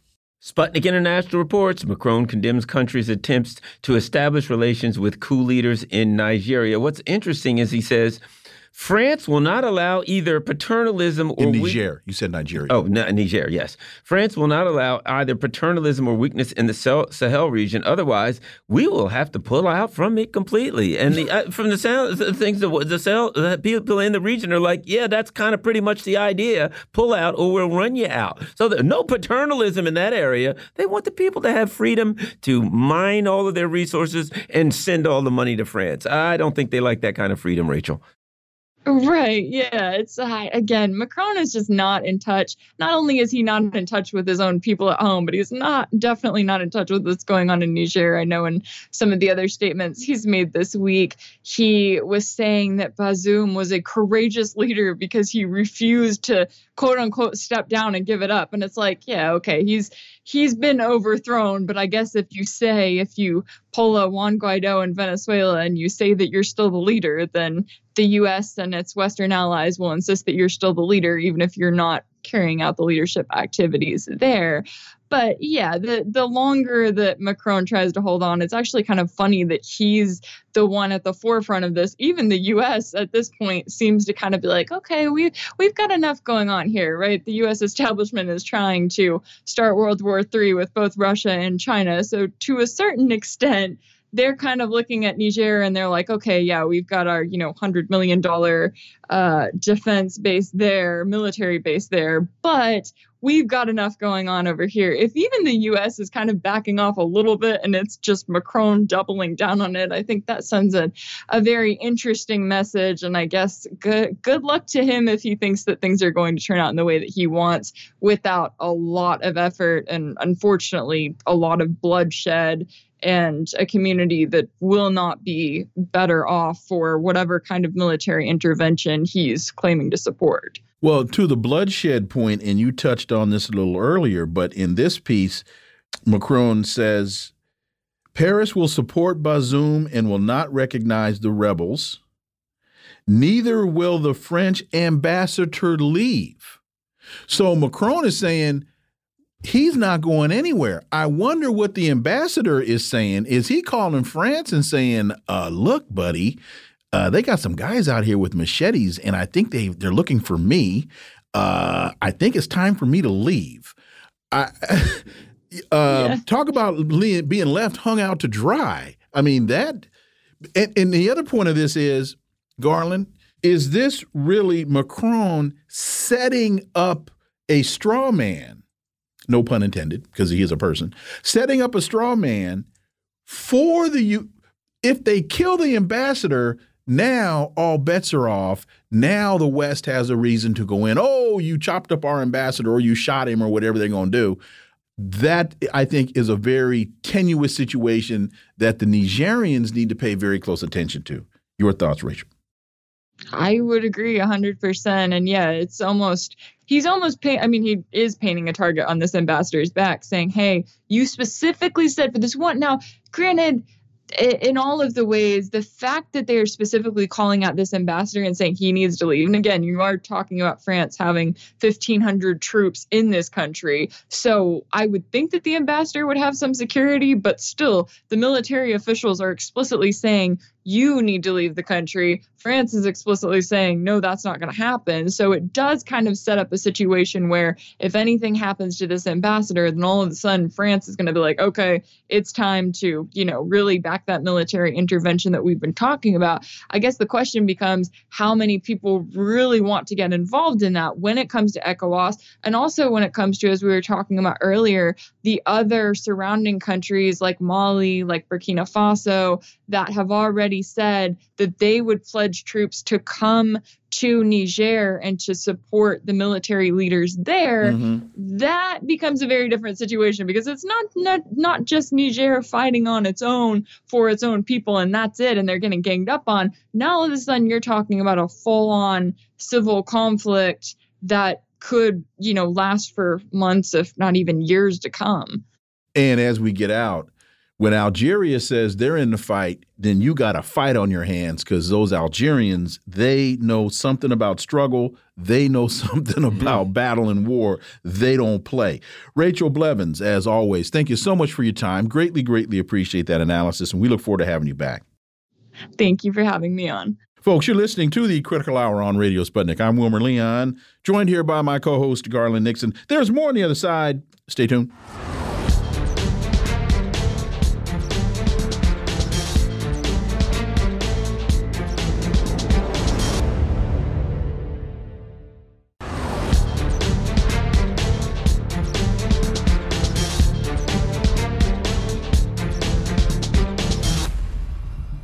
We are back, and you're listening to the Critical Hour on Radio Sputnik. I'm Wilmer Leon, joined here by my co host, Garland Nixon. Thank you, Wilmer. Consortium News has a piece Craig Murray, Destitution Capitalism.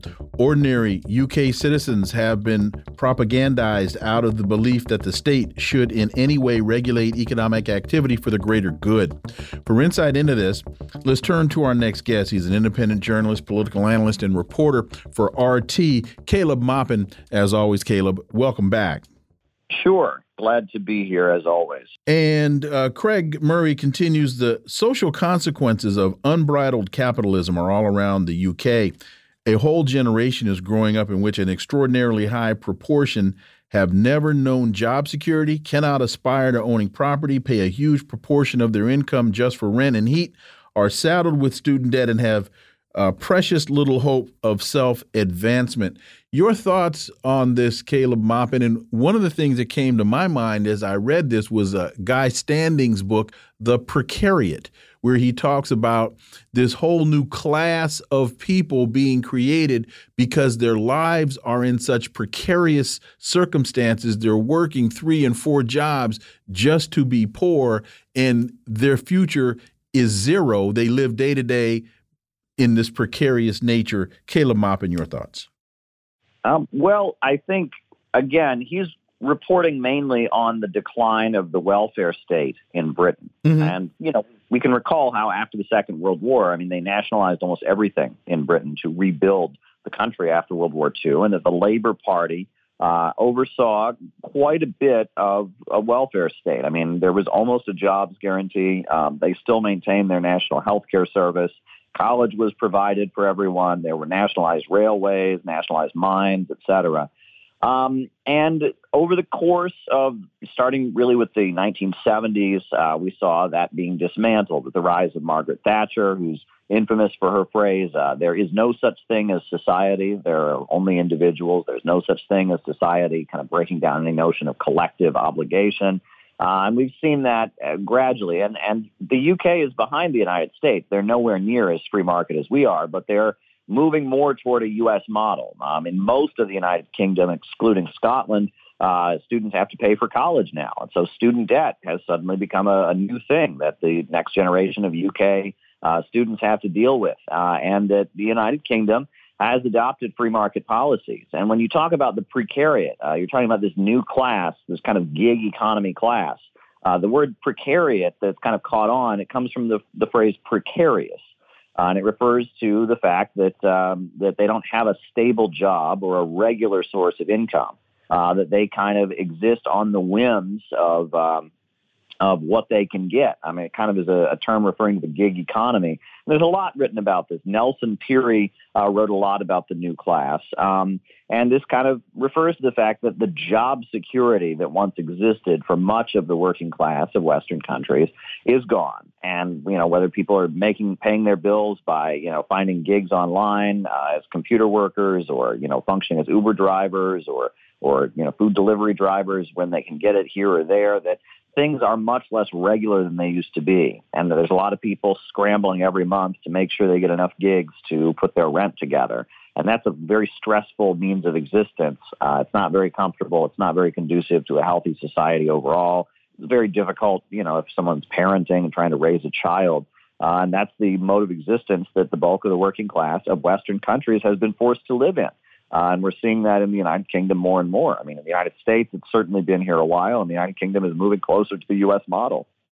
Uh, you know, also, if you look at what's happening with the Ukraine conflict, one of the things that's allowing it doing is it's allowing the U.S. to really um, uh, uh, expand uh, its neoliberal notions um, throughout uh, Europe. You look at some of these countries, whether it's you know Germany, Norway, et cetera, as the U.S. brings new countries into um, in, into NATO, it can now force them to spend more money on weapons. It can now now it's forcing um, you know Germany into more poverty. It's it's forcing these European countries into poverty, which means they're spending their money on buying F-35s, and they don't have the money for the traditional strong social safety net that they have, and they're forced into more neoliberalism. And the U.S. can take get rid of the social safety net, so that Americans can't point to Europe and say, "Hey, they've got." free this or that because they can't afford it anymore either. Caleb. Yeah, well, the basis of the welfare state was largely fear of communist revolution. Um, you know, I mean, the very beginnings of the welfare state came in Germany uh, in the lead up to World War One. You know, as the Kaiser was, you know, trying to militarize German society, had the rise of the kindergartens, the National Healthcare Service, but that was very mild. Uh, the real explosion of the European welfare state came after World War II when communism had expanded in its vast, you know, popularity. In France, the Communist Party was winning elections by leaps and bounds because they had been la resistance. They'd fought Hitler. In Italy, uh, the U.S. Uh, CIA was forced to meddle in the elections endlessly to make sure the Communist Party never won a majority in the parliament because they had fought Mussolini. They'd run the partisan brigades, and they were very popular. And the Soviet Union had rebuilt the country after World War II and was launching Sputnik. And there was a real fear, especially on the European mainland, that, uh, that these countries would elect a communist government that would enter a, uh, an alliance with uh, with Moscow, uh, would you know form some kind of military alliance with Moscow, and that would lead to the end of uh, British and American domination uh, of the European mainland, um, and that would lead to the expansion of communism around the world. And so, based on that, um, huge amounts of concessions were made, and social democracy as a movement, you know, this kind of reformist, uh, pro-imperialist, but uh, critical of capitalism movement, uh, folks who brought us World War One and, and you know sold out and, and fought and created World War One uh, those folks uh, became, you know, kind of the, the main rulers of many of these European countries. And they were able to implement very big welfare states in the hopes that that would, you know, prevent people from going into the hardline communist factions. Uh, and that's really the basis of it. And when the Soviet Union fell, you immediately saw the rise of new labor in the United Kingdom. Uh, you saw over here the rise of the DLC, the Democratic Leadership Council of Bill Clinton. Uh, and you saw, you know, many of these social democratic governments uh, start to water things down and say, well, maybe we don't need this anymore because it was based on the threat of communist revolution. Uh, that's really what it was based on. Um, and uh, now, as we see the rise of Russia and China and the Belt and Road, uh, there is a fear uh, on the part of the United States that some of these countries will just straight up say, you know what, uh, we'd rather do business with Russia and China than with the United States. And so the United States is putting pressure on the countries of the European mainland to militarize their economies. Uh, and they're putting pressure on them to make sure that they don't do anything to cut the strings. I mean, we saw the destruction of the Nord Stream 2 pipeline that was to make sure that no matter what, if Germany, you know, changes its policies and changes its position, it still can't be buying, you know, natural gas from Russia. And that there's a fear that these countries, in order to preserve their welfare state and their economic independence, might shift uh, to be more friendly to Russia. And they want to make sure, the United States wants to make sure that doesn't happen. And part of that is mandating military spending, uh, cutting the welfare state, and the United States exerting more control. And uh, this division between the countries of the European mainland and Britain and America, uh, and Britain and America struggling to maintain control over them to the extent that that might mean, you know, suppressing their ability to have a welfare state. This could blow up in our face, and we're seeing what's going on in Germany now with the suppression of the uh, the AFD, the Alternative for Deutschland party, and you know, there's been the jailing. Uh, in France and, and other countries, and of, of people that are sympathetic and openly sympathetic to to Russia, uh, and there's a cry for economic independence. In Italy, we've seen the rise of more independent right wing governments. So this is all taking an interesting turn. But that article by Craig Murray was kind of bemoaning uh, the decline of European social democracy, post World War II European social democracy. Um, and I think that there's a bigger geopolitical question now. Uh, and I think it's, it's, going to raise a lot of questions for what it means to be someone in Europe and how the United States asserts its control. We just have a couple minutes left, and reading Craig Murray's article made me think. You know, when you read the uh, preamble of the Constitution, you know, we the people of the United States, in order to form a more perfect union, and then do a whole bunch of other stuff, uh, do ordain and establish the Constitution for the United States. So that's ideologically, anyway, saying that the people are creating the government. And then in Craig Murray's piece, he writes People in the UK have been propagandized out of the belief that the state should in any way regulate economic activity for the greater good, at the same time, propagandized into belief that the state should become more intrusive in its surveillance of the lives of ordinary citizens. And what that says to me is there's now been a, the script has been flipped, and it's now no longer the people in control of their government what he's saying now here is the people have been convinced that the government needs to be in control of them. Indeed, and what's really bizarre is that uh, you know the free market economists of, of the past would never have dreamed of what we have now: private military corporations, private prisons for profit. These kind of things would never have been dreamed of. Charter schools for profit. Adam Smith would never have thought of such things. Uh, the amount of you know privatizing the government that goes on and privatizing government services, handing them over to private corporations is massive, and it accompanies a huge violation of civil liberties, which flies in the face of the free marketeers argument that you know your your property rights and the government not interfering with your private property is connected with your civil liberties. Our civil liberties are slipping away. The government's spying on us like crazy, and we're also seeing a, a massive push for neoliberal privatizations and cutbacks and free market economics. So so clearly, the link between those two things that many free marketeers have constantly argued is there is not there. RT reports billionaire vows to stop Ukraine from becoming the next uh, Taiwan from becoming the next Ukraine. Foxconn founder Terry Gou has entered the Taiwanese presidential race. Your thoughts? Well, uh, there's many people on the Chinese mainland that are kind of hoping that uh, you know the, the the sentiment is maybe it's about time that you know that Taiwan does just declare independence, so we can roll in there and and make sure that they understand that they're a part of China. And uh, on the other hand, there's a lot of people on Taiwan who really don't want that to happen, who really don't want to have a military conflict. Um, and so, you know, we'll have to see. This is the a guy from the KMT, which is a party that recognizes Taiwan as being part of China, doesn't recognize the People's Republic, though, the communist government, but wants to maintain friendly economic ties. And he himself has benefited greatly from those economic ties. Um, we'll see if he's able to convince the majority of the public there in Taiwan uh, that he's their best bet for peace. Um, when it really comes down to it, though, um, at the end of the day, uh, the United States continues to see the Taiwan issue as a way to threaten China, to intimidate China, to to tempt China. Uh, mm-hmm. Uh, they seem to, to see you know Taiwan as a useful useful playing piece in their global chess game, which is very unfortunate and not good for the people on the island. Caleb Maupin, as always, thank you so much for your time. Greatly, greatly appreciate that analysis. And as always, we look forward to having you back. Sure thing. Always a pleasure. Folks, you're listening to the Critical Hour on Radio Sputnik. I'm Wilmer Leon. I'm joined here by my co host, Garland Nixon. There's more on the other side. Stay tuned.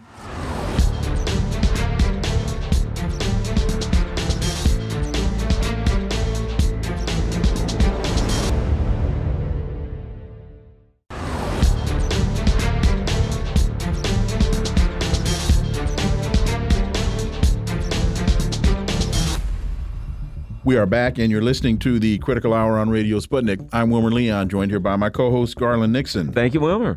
There's a very interesting piece in Consortium News entitled Banks, Felons, and Jeffrey Epstein.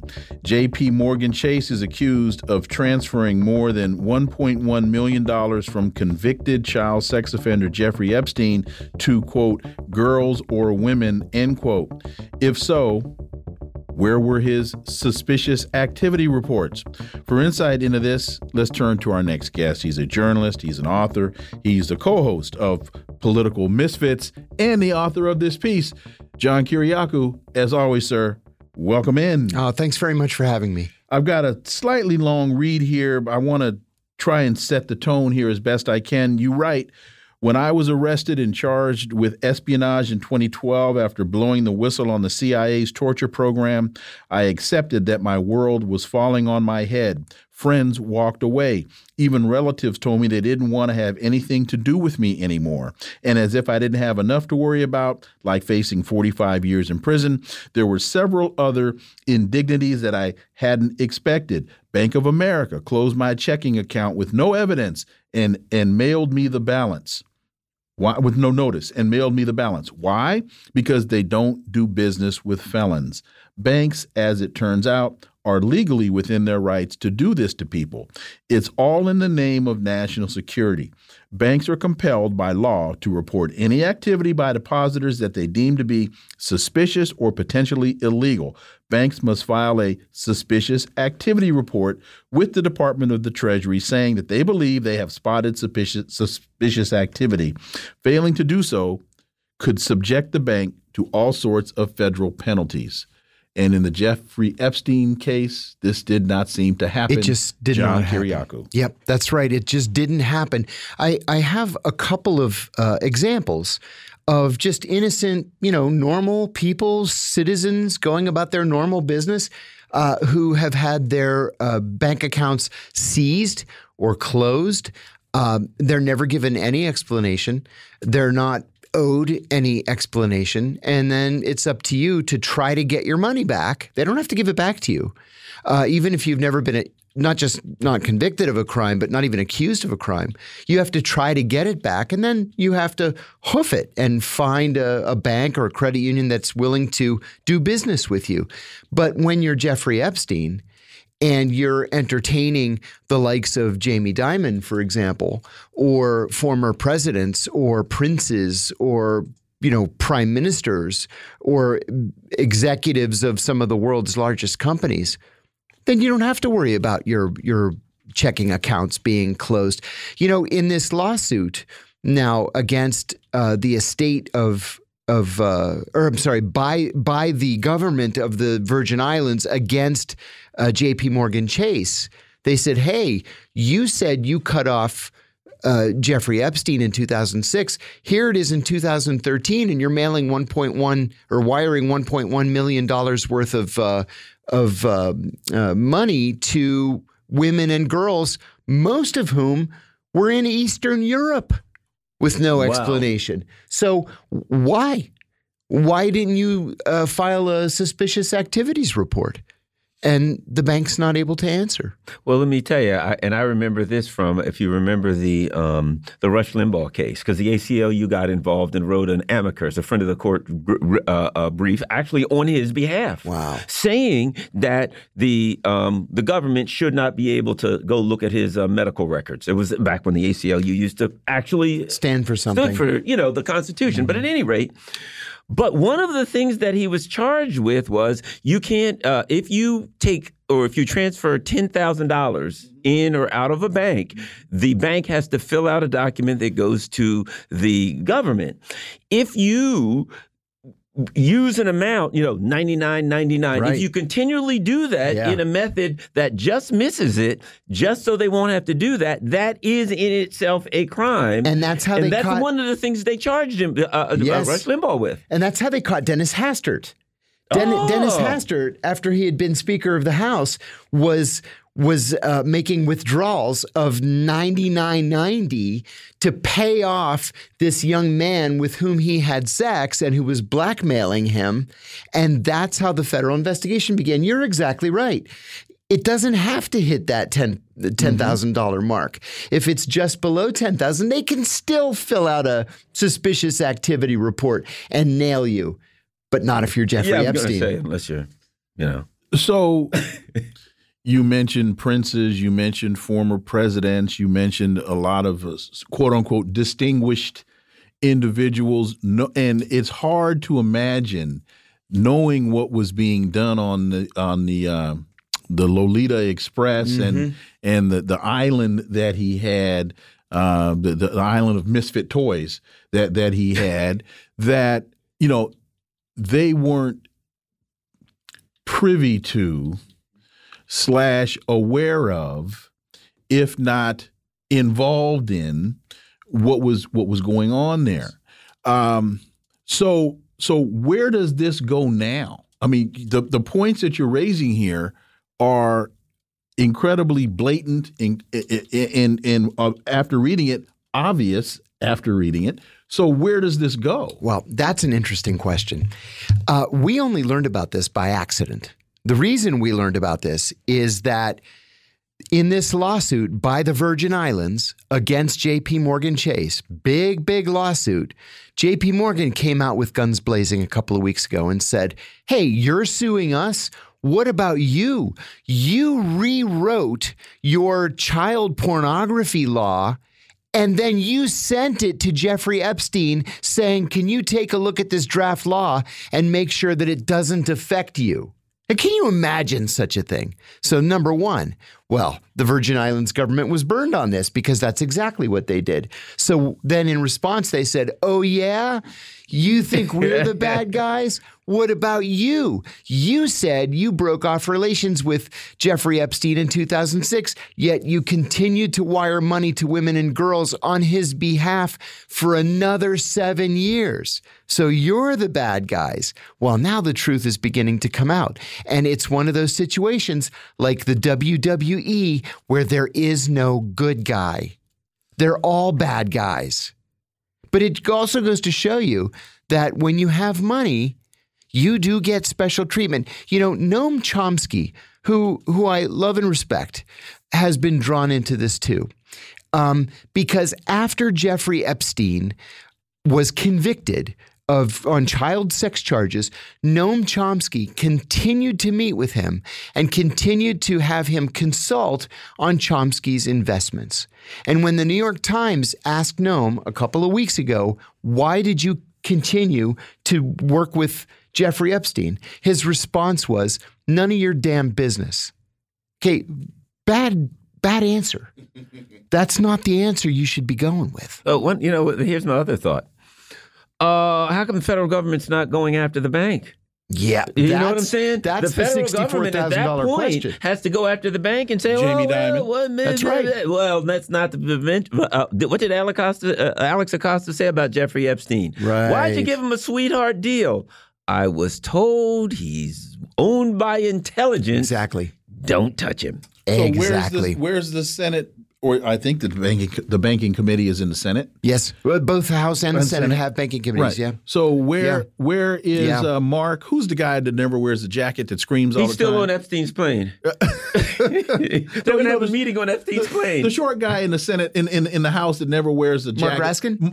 M- No, no, no, no. Jamie Raskin. Or Jamie Raskin. Mark was his dad. My my mistake. No, Mark. He's a uh, Republican. Oh yeah, um, Mark. Uh, uh, n- uh, Anyway, no. where is he screaming about this? Well, Uh, that's another good question. And the sad truth is that neither the House nor the Senate banking committees have any involvement in this case at all. And to make matters worse, neither does the FBI because this is not a criminal case. It's a civil case. Now the question should be, why isn't it a criminal that case? was my next question. Jim Jordan is who I was thinking. Oh, Oh, Jim yeah. Jordan. He's the chairman of the uh, Judiciary Committee. Right, right, right. Yeah. And when it comes down to that, as soon as it comes that, hey, this was really, this was uh, intelligence. Yeah. mm, they see they they turn into Sergeant Schultz. They see nothing. They know nothing. And they've allowed us to speculate on this kind of thing. We've had conversations here on this show about about Epstein's possible ties to intel- intelligence, and I think we all agree that he had what looked to be very clear ties to intelligence. That was his primary job. Absolutely. Was to get intelligence on those individuals so that they could be leveraged. Absolutely. And that has Mossad written all over it. And I think that's why this isn't a criminal case right now. If Ghislaine Maxwell wasn't a spy, then she's the dark sheep, black sheep in the family, because she'd be the only one that wasn't. Her siblings, her, Her father, Right, right. Mm-hmm. So well documented. So was Jeffrey Epstein a Mossad agent? I bel- this is I this is believe he was. speculation. I think he was too. I Was he, believe he was. So he wasn't working for U.S. intelligence. Oh, think no he was, way. He was working for. Oh, okay. I don't think so. And I'll tell you why I don't think so. Okay. Because when when you first join the CIA, for example, or or any any Western intelligence uh, service, um, you're taught about different kinds of uh, of agents, the, the kinds of people that you're going to want to recruit. Now, one of those agents is called an access agent. Okay, so if I'm going to if I want information, let's say on Bill Clinton, I can't recruit Bill Clinton Clinton. Right. I got nothing that Bill Clinton wants. The guy was president of the United States. But I can recruit somebody next to Bill Clinton. Right. And Jeffrey Epstein was next to Bill Clinton and next to Donald Trump and Hillary Clinton Everybody. and Prince Andrew and Jamie Dimon and all these other people. So you find a you find a, a weakness in someone, you find something that they need, and you provide that thing for them, or you blackmail him. And in exchange, he's going to give you access to the people that you're really interested in. For example, Mossad, if they recruited Jeffrey Epstein, they wouldn't care what Jeffrey Epstein had to say about any issues. They want to know what Bill Clinton and Donald Trump et al. were telling Jeffrey Epstein about those issues. I, I said on a podcast the other day that when I was in training, one of my instructors said that the best recruitment he ever made was a copy machine repairman. Okay, not because he was a copy machine repairman, but because he was the copy machine repairman for the copy machine in the prime minister's office. And so those things always need to be either fixed or maintained. And when it needed to be fixed or maintained, he was instructed to go in there and fix it and install a device where every time a copy was made, it would transmit a copy of the copy to Langley. He got promoted. He got a medal. He got a picture uh, with uh, shaking hands with the director of the CIA. Best recruitment ever. The guy became legendary. It's the same situation with with Epstein. It's not that you've recruited Epstein. It's you've recruited a guy who has access to everybody who matters. You know, when I was at Fox, I used to. I got really good friends with the drivers. They're the best. and the people in the uh, makeup room. Sure. And and I mean, I really liked them. I didn't just Oh, say, no, oh, no, no. you know, I, they were. Uh, I, I didn't I feel the same way. accidentally, you know, and just being friendly with them and all that. And before you know it, they're telling you Every- everything. Absolutely. People sit around and talk and forget they're in the room, or they're on the phone in the back of the car, forgetting that the driver hears everything. Yes. Yes, you you couldn't be any more right.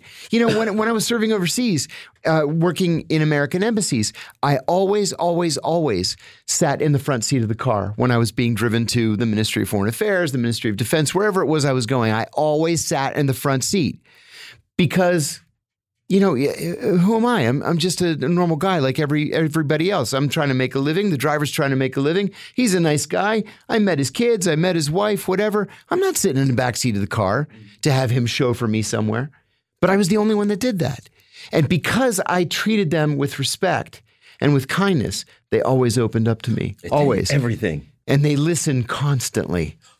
And they know all the dirt. Oh, oh, yeah. yes. All the dirt. And they love to tell it. Oh, yes.